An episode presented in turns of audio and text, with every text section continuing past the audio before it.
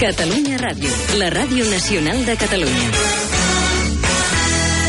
Falten 4 minuts per les 3 de la tarda. Us saluda Daniel Badia. Avui el turó de la Seu Vella de Lleida s'ha convertit en l'epicentre de l'hoquei patins amb la presentació de l'hoquei Lliga d'aquesta temporada. El president de la Federació Espanyola de Patinatge, Carmelo Paniagua, parla de les novedades d'aquesta temporada en la competició. Pues la vamos a vender como una liga muy competitiva, como la mejor liga del mundo, por supuesto, y con algunas novedades importantes, eh, sobre todo de cara a dar a conocer lo que liga al mundo, ¿no? Como es la televisión, como es el streaming.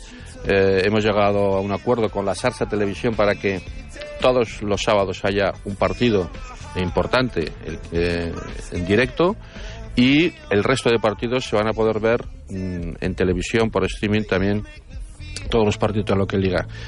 El pròxim cap de setmana s'encetarà la competició de l'Hockey Lliga d'aquesta temporada. L'ICG Lleida Llista rebrà diumenge la visita del Vic.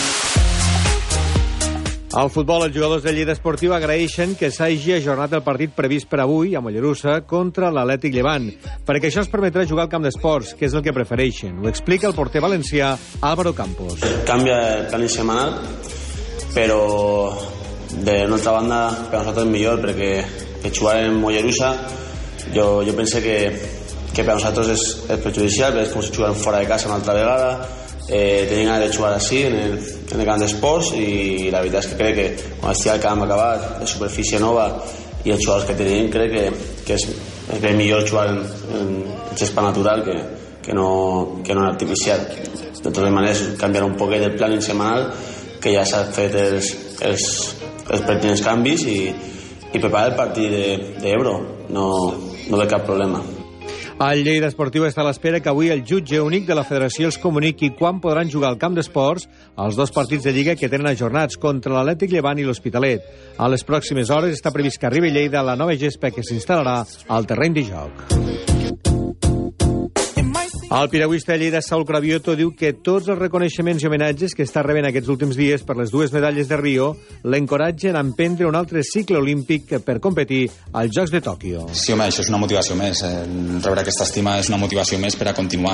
Eh, jo he tingut eh, molts dubtes, sobretot l'any passat, quan no vaig classificar a Milan, vaig tindre molts dubtes de, de, bueno, de penjar la pala, perquè és, és molt complicat, sobretot de, psicològicament, aguantar quatre anys més em fa bastanta, bastanta mandra, però, però bueno, tot això ajuda, no? Veure l'estima de la teva família que et dona suport, eh, la gent, eh, no sé, això doncs evidentment és energia extra que, que, bueno, que segurament em facin arribar a Tòquio al 100%. Carabiot ha visitat avui la Diputació de Lleida on l'ha rebut el president Joan Renyer. Aquest vespre rebrà l'homenatge del Barça al Camp Nou durant el partit de Lliga contra l'Atlètic de Madrid i dissabte farà la sacada d'honor al partit entre l'Sporting de Gijón i el Barça.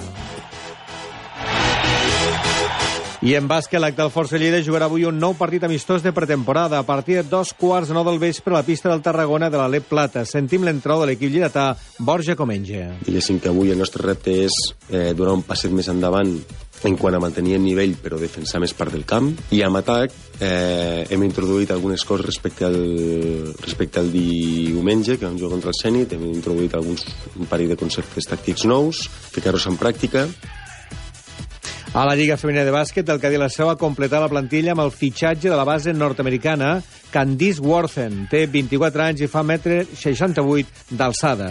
Arriba procedent de la Lliga finlandesa i substitueix la croata Bejic, a qui el club urgellenc va donar la baixa la setmana passada.